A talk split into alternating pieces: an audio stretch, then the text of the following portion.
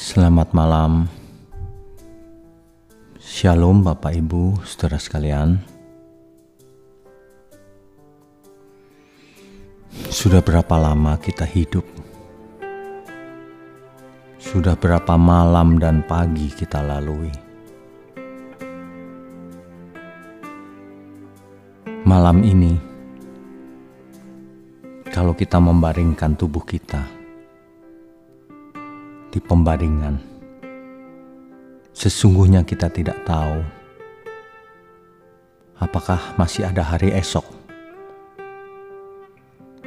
Apakah pembaringan kita malam ini adalah pembaringan terakhir? Kita tidak tahu, saudara. Jadi, jika demikian, kita harus sadar apalagi kalau kita sudah berumur. Harus sadar, saudara, dan gentar menghadapi kekekalan. Jangan seperti orang yang tidak berhikmat, yang hidup suka-suka sendiri, sombong, licik, jahat, pelit, Sesungguhnya banyak orang sedang membinasakan dirinya sendiri. Meskipun percaya. Soalnya percayanya hanya dengan pikirannya, tidak dengan perbuatan nyata.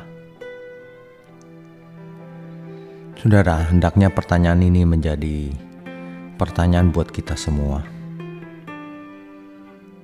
Masih adakah hari esok? Itulah sebabnya saya sering berkata, mari kita hidup seolah-olah besok kita mati. Seolah-olah besok adalah hari di mana kita harus bertanggung jawab kepada Tuhan seluruh hidup kita.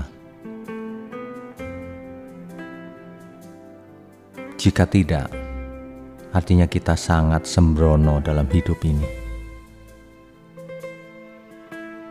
Padahal setiap saat kita bisa mati. Hendaknya pertanyaan ini mengingatkan kita semua. Masih adakah hari esok? Sudah siapkan sudah siapkah kita menghadap Tuhan? Sudah siapkah jika kita menutup mata saat ini juga menghadap Tuhan?